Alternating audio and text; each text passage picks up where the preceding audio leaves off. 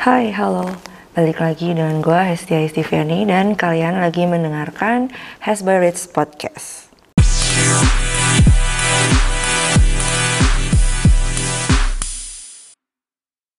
Terima kasih buat kalian yang udah ngedengerin episode 0 dan episode 1 gue. Dan sekarang um, kayaknya kita akan masuk ke episode kedua Di mana ini bakal ngebahas sesuatu yang udah pernah gue tulis sebenarnya di website Yaitu pengalaman gue menjadi volunteer di ajang Ubud Writers and Readers Festival 2019 Meskipun sebenarnya udah pernah ditulis ada kayak masih ada beberapa hal yang gue pingin share dengan teman-teman pendengar nih ya bisa aja kan ada yang sebenarnya masih bertanya-tanya ini kayak kurang lengkap deh tulisannya atau ngerasa sepertinya ada cerita-cerita lain yang jauh lebih seru yang bisa diceritakan menggunakan suara. Jadi melalui Heads kali ini gue pingin ya sharing-sharing tentang pengalaman gue pertama kali menjadi volunteer di salah satu ajang festival literasi bertingkat internasional. Oke, sebelum jauh tentang volunteering itu sendiri, gue pengen tahu nih seberapa besar sih atau seberapa banyak orang yang tahu apa sih itu URF atau Ubud Writers and Readers Festival. Gue rasa hanya ada beberapa orang dan itu pun orang-orang yang memang sudah punya minat yang besar terhadap literasi atau mereka-mereka emang suka baca buku. Jadi Ubud Writers and Readers Festival ini tepatnya di tahun 2019 merupakan tahun ke-16 dari penyelenggaraannya. Pada tahun ini mereka meng uh, mengangkat tema karma jadi setiap tahun pasti ada tema-tema baru. Nah, tau gak sih kalau sebenarnya URF sudah masuk ke dalam daftar lima besar festival literasi dunia yang mesti kalian kunjungi sebelum kalian mati. Terutama bagi teman-teman yang emang suka banget sama dunia literasi, suka banget sama buku. Ya 11-12 sama gue ya. Nah acara ini untuk tahun ini, tahun 2019 menghadirkan lebih dari 80 speakers lebih dari 200 panel. Bayangkan, dalam ya waktu kurang lebih dari 23 sampai 27 Oktober 2019 lalu, ada banyak banget panel yang bisa diikuti oleh semua kalangan, baik itu untuk anak-anak sampai untuk orang dewasa. Siapa aja yang menjadi bintang tamu atau penulis-penulis yang di highlight di Ubud Writers and Readers Festival 2019 ada ini yang paling gue tahu ya eh, secara internasional ada Reza Aslan ada Terence Ward, ada Lindy West, ada Evelyn Wells, dan masih banyak lagi. Sedangkan untuk nasionalnya, salah satunya adalah kemarin yang menyampaikan pidato kebudayaan tahun 2019 yaitu Bapak Seno Gembira Aji Dharma atau SGA. Kemudian ada Mbak Leila Syudori, ada Lala Bohang, ada penulisnya Aruna dan Lidahnya yaitu Mbak Laksmi Pamuncak, juga beberapa penulis-penulis lokal seperti Fabio, Valian Budioga, dan juga ada Mas Faisal Odang. Jadi ya ada banyak nama yang sangat familiar, mungkin seliweran di lini masa media sosial teman-teman ya, baik itu Instagram ataupun Twitter. Nah, lanjut nih, kok bisa gue tahu soal URF? Ya ini agak lucu sih, gue udah tahu URF sejak gue kuliah. Ya secara dia udah berjalan cukup lama, tepatnya sejak pasca bom Bali pertama. Jadi Ibu Janet Denif saya salah satu penggagasnya merasa bahwa pasca bom Bali pertama terjadi penurunan terhadap turis-turis mancanegara.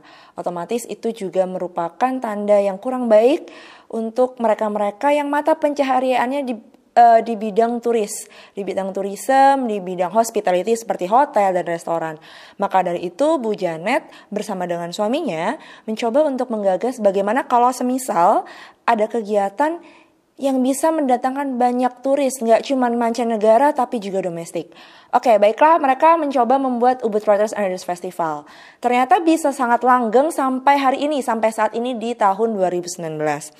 Gua tahu tepatnya karena oke internet, um, gua lupa pastinya apakah karena ada penulis yang gua incar atau memang it just stumble upon timeline media uh, media sosial gua, jadi gua ngikutin sejak saat itu gue jadi pingin pingin banget nih datang ke URF tapi sayangnya gue belum punya waktu. Kapan? Ketika itu kuliah dan jatuhnya selalu di bulan Oktober selalu bertepatan atau memper-memper uh, zaman-zaman gue ujian. Gak mungkin gue ninggalin ujian gue gitu. Kemudian gue bisa lulus di tahun 2015 uh, gue masih belum berkesempatan untuk datang ke URF lagi-lagi karena terbentur waktu jadwal gue yang semakin padat uh, jadwal gue yang tidak menentu Kemudian akhirnya di tahun 2018 gue melihat kayaknya gue sudah punya peluang untuk bisa datang ke Ubud Writers and Readers Festival. Sehingga gue punya motivasi nih, gue punya niat, gue punya minat untuk datang ke sana. Dan itu udah gue niatin banget dari tahun 2018, dari tahun lalu. Kok bisa gue tahu soal volunteer? Salah satunya dari blog post-blog post teman-teman yang sudah pernah menjadi volunteer di URF. Teman-teman kalau coba ketik di Google volunteer URF pasti langsung keluar beberapa entry, beberapa postingan-postingan dan isinya itu cerita-cerita pengalaman seru mereka.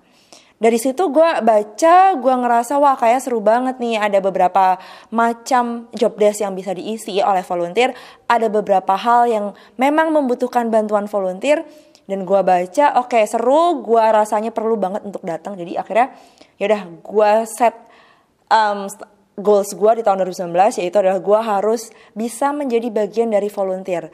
Dan kalaupun semisal nih paling buruknya adalah gue nggak bisa gue akan tetap berangkat menjadi peserta menjadi partisipan yang ada di sana. Hmm, motivasinya antara lain adalah ini kayak waktunya gue untuk mengeksplor hal baru salah satu yang menjadi volunteer di URF, ajang yang berskala internasional. Dengan bantuan informasi dari media sosialnya URF, mereka cukup update dan juga gue punya teman yang merupakan staff atau program koordinator dari URF 2009 yaitu Mbak Prima. Thank you Mbak Prima udah bantuin aku sampai sejauh ini sampai akhirnya jadi bagian dari keluarga besar URF. Akhirnya gue memberanikan diri untuk apply emang apply posisi apa sih Hes? Um, gue mengincar satu posisi yaitu International Writer Liaison dan kalaupun gue nggak bisa mengisi posisi itu, gue mengisi pilihan kedua yaitu National Writer Liaison. Um, kenapa sih kok milih kedua itu? Kenapa milih jadi LO? Ya kurang lebih namanya LO ya. Karena uh, based on pengalaman gue, jadi setelah gue lulus di 2016 sampai 2018 um, gue bantuin Prof. Renald Kasali. Mungkin teman-teman sudah pernah baca bukunya yang paling fenomenal yaitu Self Driving. Um, gue menjadi asisten beliau kurang lebih selama 2 tahun. Gue menjadi RK Menti. Di situ gue belajar banyak hal. Kurang lebih adalah menjadi LO untuk beliau.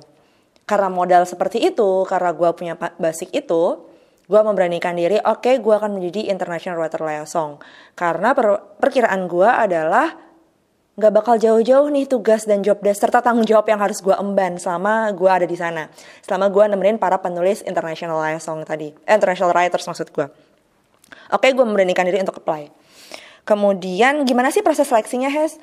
Yang ada adalah lo harus masuk ke websitenya. Tenang aja, nggak perlu login, sign up atau apa pun. Jadi uh, bentuknya adalah seperti Google Form. Seperti Google Form, jadi lu tinggal buka, uh, websitenya, lu tinggal klik bagian program dan pilih bagian volunteer, di situ langsung kebuka formulir yang bisa lo isi. Tapi sekalinya lo isi, jangan harap lo bisa ngeditnya, karena kayaknya itu emang dibuka untuk satu kali submission without any editing. Namun sebelum formulir itu dibuka, teman-teman dari URF sudah memberikan information guide atau information kit jadi bentuknya PDF dan itu di-download dan oh bisa juga sih di-view di desktop. Jadi di situ adalah informasi atau brief information about volunteering di tahun tersebut, misalkan tahun 2019. Posisi apa aja sih yang dibuka, pekerjaannya bakal apa aja sih, apa yang diekspektasikan, do and don't selama kegiatan berlangsung, um, kewajiban yang harus dipenuhi oleh para volunteer dan hak apa saja yang nanti akan didapatkan oleh para volunteer.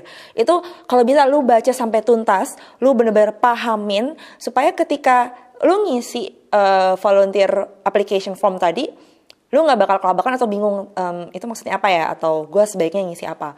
Jadi dengan adanya volunteer guideline tadi atau information kit, teman-teman yang mau apply setidaknya udah punya gambaran nantinya akan ditempatkan di bagian mana sesuai dengan minat dan um, apa ya namanya minat dan keinginannya masing-masing. Jangan sampai lu bener-bener ngeblank nih. Yang penting gue jadi bagian dari volunteer. Oh jangan sampai lebih baik lu udah tahu apa yang ingin lu posisi di situ tuh yang lu incer apaan.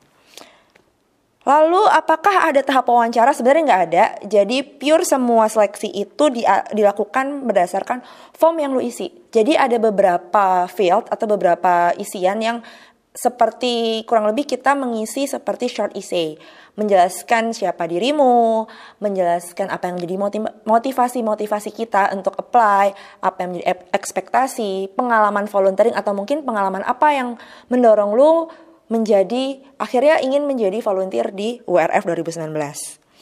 Kurang lebih seperti itu sih untuk prosesnya. Jadi sama sekali nggak ada tahap wawancara ya. Jadi cuma cukup sekali proses seleksi aja.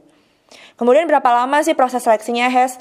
Proses seleksinya ini uh, yang gue ingat um, dia dibuka di antara minggu ketiga atau minggu keempat dari bulan Agustus.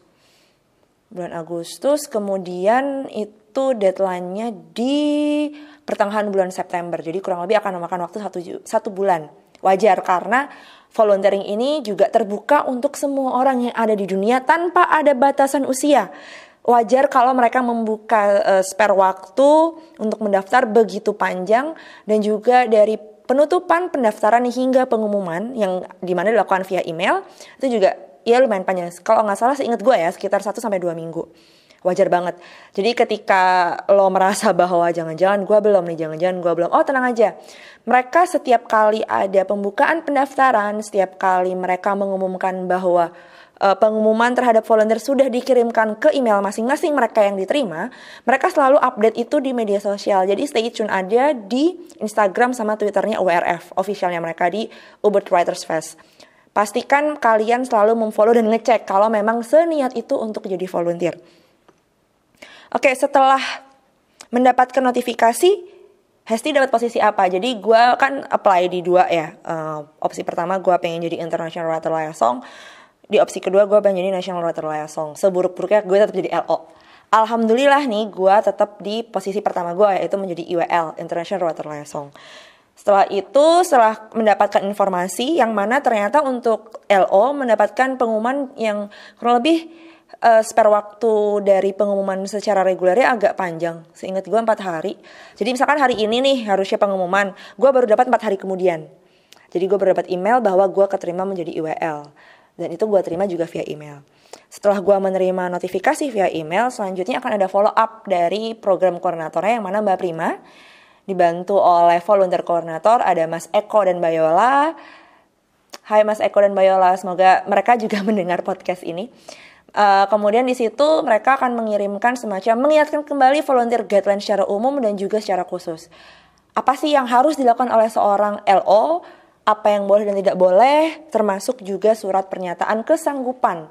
Karena ada beberapa hal yang memang harus disetujui secara bersama. Misalkan kesepakatan itu berupa persetujuan sebagai LO tidak akan menyebarluaskan informasi-informasi pribadi terkait penulis yang kami LO-in.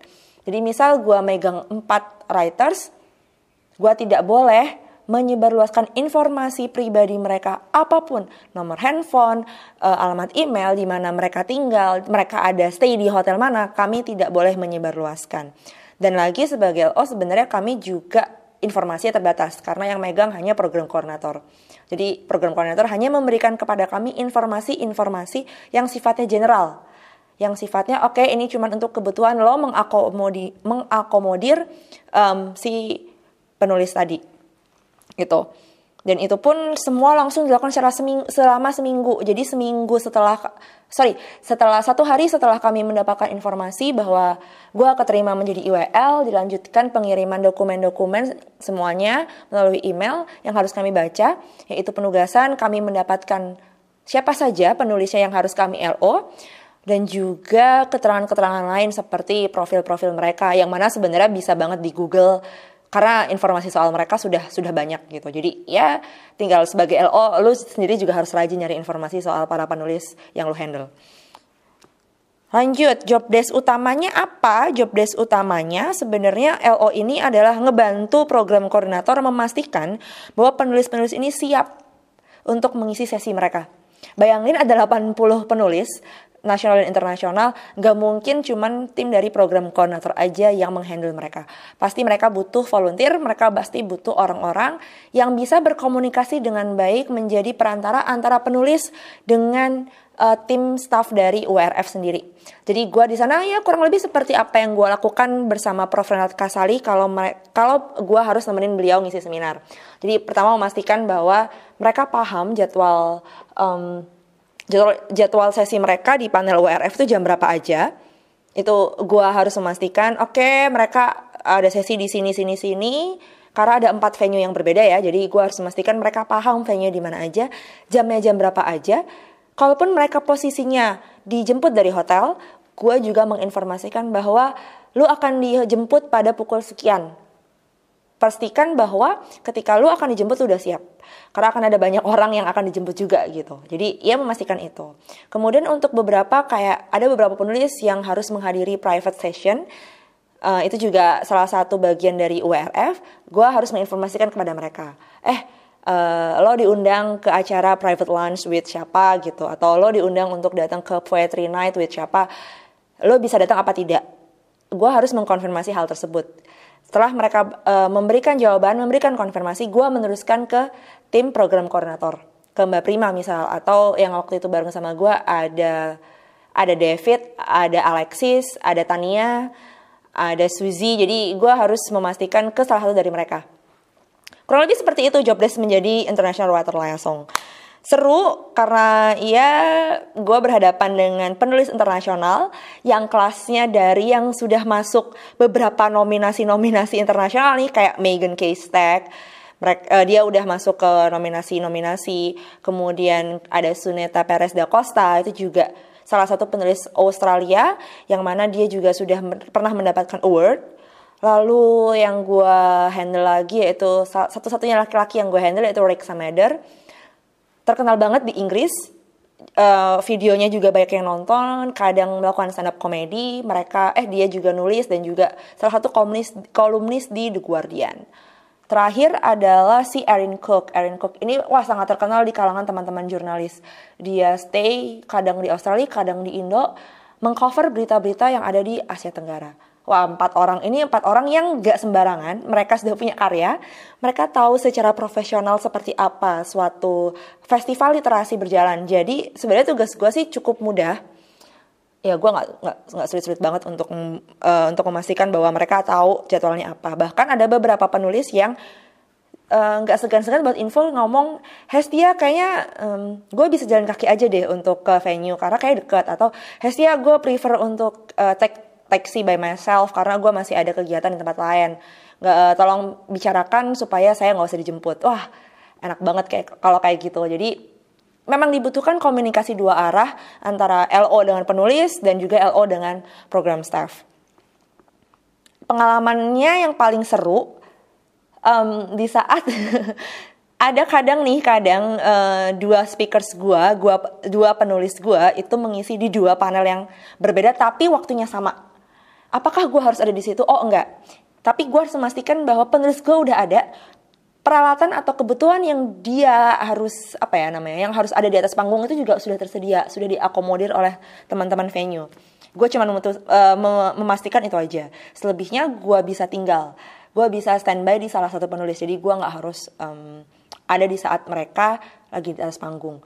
To be honest gue belum ketemu sama Suneta Perez da Costa dan juga Erin Cook gue cuman ketemu dan sempat ngecek banget itu Rick Samader karena waktu itu dicariin dia ada di mana. Eh ternyata dia masih di toilet waktu itu. Jadi udah nyampe tapi masih di toilet. Kemudian Megan Stack yang akhirnya gue menghampiri karena ada beberapa kesalahan teknis dan pemahaman antara gue dengan dia. Soal ya penjemputan dan posisi venue ada di mana. Sisanya Suneta calling doang telepon dan by chat aja karena waktu itu ada beberapa hal yang e, bisakah saya dijemput di sini? Itu memastikan aja. Terus Erin karena ya itu gue nggak benar-benar nggak sempat ketemu sama dia. Karena ketika dia sesi uh, eh, gue harus handle yang lain gitu. Oh ya um, mungkin untuk yang teman-teman yang udah pernah baca blog gue pasti ngeh kalau gue nggak cuma satu doang sebagai uh, volunteer IWL tapi gue juga sebagai host, sebagai MC di beberapa panel ini ajaib, aneh bin ajaib karena gue baru dikontak itu Hamin 2. Jadi mereka eh, teman-teman URF masih membutuhkan tenaga untuk jadi MC karena ada beberapa panel seperti um, book launching dan juga ada poetry night yang ternyata ketika plotting SDM um, oh ternyata masih membutuhkan yang namanya MC. Kemudian um, gue dikontak sama Mbak Prima menanyakan apakah gue bersedia untuk menjadi MC. Gue sih dengan jelas ngomong gue bersedia aja sih mbak asal waktunya tidak bertabrakan, tidak mengganggu job utama gue sebagai EWL. Ya gimana-gimana gue apply-nya sebagai EWL, bukan sebagai MC. Oke, diproses ternyata um, koordinator MC setuju, lanjutlah gue mendapatkan job desk sebagai MC. Gue langsung dapat timetable, dapat matrix, uh, posisi-posisi mana, sorry, panel-panel mana yang memang harus gue host. Gue langsung mempelajari apa-apa saja yang harus gue sampaikan, karena memang ada script ada opening sama ending yang sesuai dengan template mereka. Kemudian gue harus tahu juga book launchingnya ini book launching apa, siapa penulisnya, menuliskan soal apa. Kurang lebih seperti itu. Ya informasi umum kalau lo biasa nge-MC, lo biasa nge-host pasti udah tau lah ya informasi apa. Ya itu kurang lebih seingat gue, gue bisa 4 sampai 5 uh, panel yang gue host selama acara. Jadi selain gue IWL, pasti dalam satu hari gue ada satu sesi yang di mana gue harus jadi host. Seru, seru banget. Karena di situ gue pertama kali nge-host di acara skala internasional, otomatis gue harus berbicara dalam bahasa Inggris. Oke, okay, kalau ada template, tapi kadang ada beberapa hal yang di mana komunikasinya secara spontan ketika gue jadi host. Pengalaman baru pastinya, Kemudian juga karena sebagian besar dari audiens yang datang ke Book Lounge, ke, ke, ke sesi-sesi yang kebetulan gue jadi hostnya, 98% adalah orang-orang ekspat, bukan orang Indonesia. Jadi sempat ada perasaan gue takut, gue jiper, kemudian gue mencoba untuk, udahlah Hes, nggak apa-apa, santai aja, mereka sama, mereka juga audiens, mereka sama-sama ingin menikmati festival. Jadi jangan jadikan uh, kegiatan host ini menjadi sesuatu yang berat untuk lo itu yang akhirnya menjadi uh, pedoman gue ketika gue nge-host. Um, seru banget ketika jadi MC karena ya itu ketemu sama orang-orang baru. Gue sebelum misalkan nih uh, jam setengah satu misalnya acaranya. Oke okay, jam 12 gue udah harus ada di sana. Ngapain Has? Gue ngecek venue oke okay, gue akan berdiri di mana? Nanti si pembicara ada di sebelah mana? Kemudian siapa tim uh, eh, FOH atau tim sound engineering yang ada di sana? Atau kami sih nyebutnya Avitech audio audio visual technician. Siapa aja? Gue kenalan. Gue bilang gue MC-nya, gue akan butuh bantuan mereka untuk begini, begini, begini, tampilannya ini, ini, ini gitu. Gue pasti harus nge-brief mereka, berkoordinasi dengan mereka. Setelah itu gue akan menyambut si audience, dan kalaupun pembicara sudah datang, gue pasti akan kenalan sama mereka, sama dia, kenalan. Um, introduction, brief introduction doang. Um, I'm Hestia, I will be your host in this book launch session, semacam itu. Kalau lo ada sesuatu yang pingin lo uh, sampaikan, bisa melalui saya. Ya kurang lebih seperti itu. Itu jadi MC. Nah, ketika di hari keberapa ya? Kayak di tanggal 26, 26 Oktober itu ada movie screening yang seharusnya hostnya bukan gue. Tapi karena hostnya ternyata punya kepentingan yang lain dan sangat urgent tidak bisa ditinggal, akhirnya hostnya minta ke gue untuk, Hes bantuin gue dong untuk gantiin host kan setelah itu lo ada poetry night ya kan. Ya udah akhirnya ya oke okay, gue nge-hostin mereka, nge-hostin kalau hmm, sesi movie screeningnya uh, Aruna dan Lidahnya. Jadi se ketika uh, Mbak Laksmi dan juga um, chef gue lupa namanya. Pokoknya ketika Mbak Laksmi itu ngomong itu bukan gue tapi setelah itu uh, movie screening ditutup itu gue yang ngomong karena akhirnya melanjutkan ke poetry night. Jadi sebenarnya enak juga sih gue bisa bisa ngelanjutin aja langsung jalan aja dari yang uh, movie night ke poetry night gitu Ya kurang lebih itu sih kalau pengalaman gue selama jadi uh, volunteer di URF 2019. Pernah juga ada yang nanya, emang lo ngepersiapinnya apa aja sih Hes? Persiapan yang pertama adalah um, yang pasti fisik karena ketika lo datang ke sana sebagai volunteer otomatis tenaga yang lo keluarkan jauh lebih besar daripada lo sebagai seorang partisipan. Ada tanggung jawab yang harus lo emban nggak cuma datang and then enjoy the festival. You have to make sure on some things kan. Apalagi kalau misalnya kayak gue yang kebetulan dapat jobnya ganda yaitu sebagai IWL dan juga sebagai host akhirnya ya harus uh, mau nggak mau ya harus bisa banget jaga kesehatan. Ada waktu di mana ubud lagi panas-panasnya gue pusing. Jadi setelah gue memastikan bahwa tugas gue sebagai MC selesai akhirnya gue langsung balik ke hostel dan tidur istirahat. Karena di situ gue pusing pusing gak karu-karuan. Mungkin karena akumulasi panas bangetnya ubud gitu. Yaudah akhirnya gue istirahat. Uh, supaya um, di hari-hari selanjutnya gue bisa optimal gue bisa maksimal untuk ngebantuin mereka.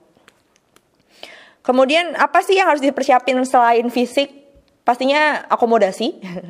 Kalau misalkan lo kayak gue yang berasal dari luar Bali, otomatis lo udah harus nabung sejak uh, awal-awal tahun misal. Misalnya habis lo denger podcast gue atau akhirnya lo googling soal pengalaman menjadi volunteer di WRF, lo tertarik, oke, okay, lo tek, uh, apa bulatkan tekad untuk menabung. Gue menabung, gue menggunakan Genius, pakai Dream Saver Genius, supaya gue nggak utik-utik tuh duit tabungan yang akan gue pakai untuk ke Ubud. Jadi setiap bulan gue sisihkan uh, sisihkan uang dalam nominal dan jumlah tertentu, masukin ke Genius. Jadi ketika gue udah dapat pengumuman, gue tinggal nyicil aja ngeluarin dari Dream Saver, gue tarik untuk akomodasi yang paling utama yaitu pesawat. Ya pesawat bisa fluktuatif sekali, jadi gue juga rajin-rajin ngecek beberapa channel atau kanal atau webnya pen, uh, maskapai penerbangan. Gue suka banget pakai AirAsia, jadi gue pasti akan ngecek AirAsia. Jadi uh, gue ngecek kapan-kapan aja dan juga kalkulasi waktu kalau lo bekerja kayak gue, lo juga harus kalkulasi soal jatah cuti. Jangan sampai uh, lo udah menggebu-gebu pingin ke sana, ternyata jatah cuti lo udah habis misal atau jatah atau lo malah belum bisa dapat cuti gitu. Itu juga perlu dicek ya. Itu itu sama pentingnya. Jangan sampai uh, rencana lo gagal hanya karena cuti. Setelah pesawat, apalagi hostel. Ini yang menjadi pertimbangan gue. Um, kebetulan karena gue sibuk, ini bukan kebetulan, tapi emang gue sibuk apalagi gue mempersiapkan cuti gue yang seminggu pastinya ada pekerjaan-pekerjaan yang harus gue persiapkan sebelum gue delegasikan ke tim gue. Jadi gue memilih yang paling gampang yaitu melihat dari rating dan juga melihat dari review. Gue pakai booking.com untuk ngebook hostel gue. Namanya WW Backpackers. Tempatnya nggak jauh dari Museum Museum de Blanco atau Bridge Restaurant. Pokoknya deket-deket situ dia dari hostel sampai ke tempat festival ke tempat URF-nya itu walking distance 15 menit. Jadi menurut gue oke okay, ini masih walking distance, gue masih bisa jadi gue book di situ. Turn out tempatnya emang enak, bersih. Bersih adalah salah satu faktor di mana gue bisa menilai dia bagus atau enggak. Tempatnya bersih, uh, wangi, dan juga udah include sama breakfast. Jadi menurut gue dengan deal seminggu gue nggak nyampe 500, seingat gue cuma 496, itu termasuk pajak itu sangat murah gitu. Apalagi ternyata turns out gue double job menggunakan hostel cuman buat tidur dan mandi. Jadi gue nggak ngerasa rugi-rugi amat ya udah emang seharga itu. Itu perlu dipersiapkan juga. Ada beberapa teman-teman yang bisa dapat harga yang lebih murah tapi private room. Itu kalau misalnya lo punya waktu lebih untuk googling atau untuk cari, ya silahkan lo bisa dapat banyak opsi karena Ubud kan tempat wisata jadi ada banyak banget hostel banyak banget hotel yang menawarkan beragam harga dengan beragam fasilitasnya. Gitu. So kayaknya itu dulu deh yang bisa gue sampaikan soal URF 2019 yang pasti Wah, lo kalau misalkan emang sesuka itu sama dunia literasi, sesuka itu sama dunia buku, kayaknya emang lo harus ke sana, lo harus ke Ubud Writers and Readers Festival. Tahun depan kalau misalkan emang lo pengen ke sana, udah lu ancang-ancang dari tahun ini. Mulai nabung, mulai persiapan, mulai baca-bacain volunteer guide misal. Ya, siapa tahu kan, siapa tahu emang lu ada rejeki, rejeki bisa berupa kesempatan lo ya. Lu ada rejeki untuk beneran datang, ya udah datang aja, lu nggak bakal nyesel. Gue aja kayak ngerasa super senang begitu ada di sana. Karena ini dari sisi volunteer ya, walaupun walaupun volunteer itu ada banyak banget, ada wah ada yang internasional, ada yang nasional, tapi um, kekeluargaannya dapat banget karena di sana ada yang namanya volunteer base camp di mana kami memang makan siang di sana. Tapi nggak cuma makan siang, teman-teman yang ada di sana yang uh, orang-orang Bali itu ngebawain cookies, ngebawain cake, ngebawain jajan-jajan lucu-lucu gitu yang emang bisa di bisa banget dicemil ketika uh, kami lagi makan siang atau kami lagi istirahat sebelum ke sesi berikutnya ya yang sering gue bilang atau kesan yang sering kali gue munculkan di beberapa akun media sosial gue di Twitter dan Instagram adalah walaupun kami tidak pernah ingat nama karena ada banyak banget orang, tapi kami sering sekali berbagi soda, berbagi cookies, sampai berbagi tertawa dan bercandaan. Apalagi teman-temannya nggak cuma dari orang Indonesia, ada juga teman-teman dari ekspat, teman-teman dari luar negeri yang mana mereka ke sini ke Ubud maksudnya itu benar-benar pure cuman buat jadi volunteer. Wah itu seru banget ngedengerin cerita mereka. Gue beruntung bisa berada di International Water Song Team, di mana timnya sangat multicultural, multinasional, multinasional kayak perusahaan ya. Maksudnya multicultural karena berasal dari lebih dari satu warga negara. gue deket sama yang namanya Stephanie. Stephanie ini dari Singapura. Kemudian ada Lachlan, dia Australian but currently living in Indonesia. Kemudian ada juga Tom yang dari kalau nggak salah dari Amerika Serikat, ada Keval yang dari Inggris, ada beberapa orang juga yang dari Rusia. Mereka datang karena ingin merasakan festival. Wah, kalau lu ada di sana lu pasti gimana ya? Ambience-nya berbeda sekali, ambience-nya sangat menyenangkan. Jadi saran gue, kalau lu emang suka banget sama dunia buku, suka banget berada atau mungkin uh, menjalankan aktivitas sebagai volunteer, mungkin WRF menjadi salah satu media, menjadi salah satu kanal di mana lo bisa mencoba mencicipi berkegiatan di atmosfer internasional. Sekian dari gue, kalaupun lo misal ada masih ada pertanyaan tambahan yang kayaknya belum dibahas di podcast gue, lo bisa kontak gue di Twitter at hzboy atau di Instagram at hzboy1906. Sekian Hasbury's Podcast episode 2. Jangan lupa di follow di Spotify dan di Anchor. Sorry, gue belum add di Google Podcast dan di kanal lain hopefully semoga secepatnya. Sampai ketemu di episode selanjutnya. Bye.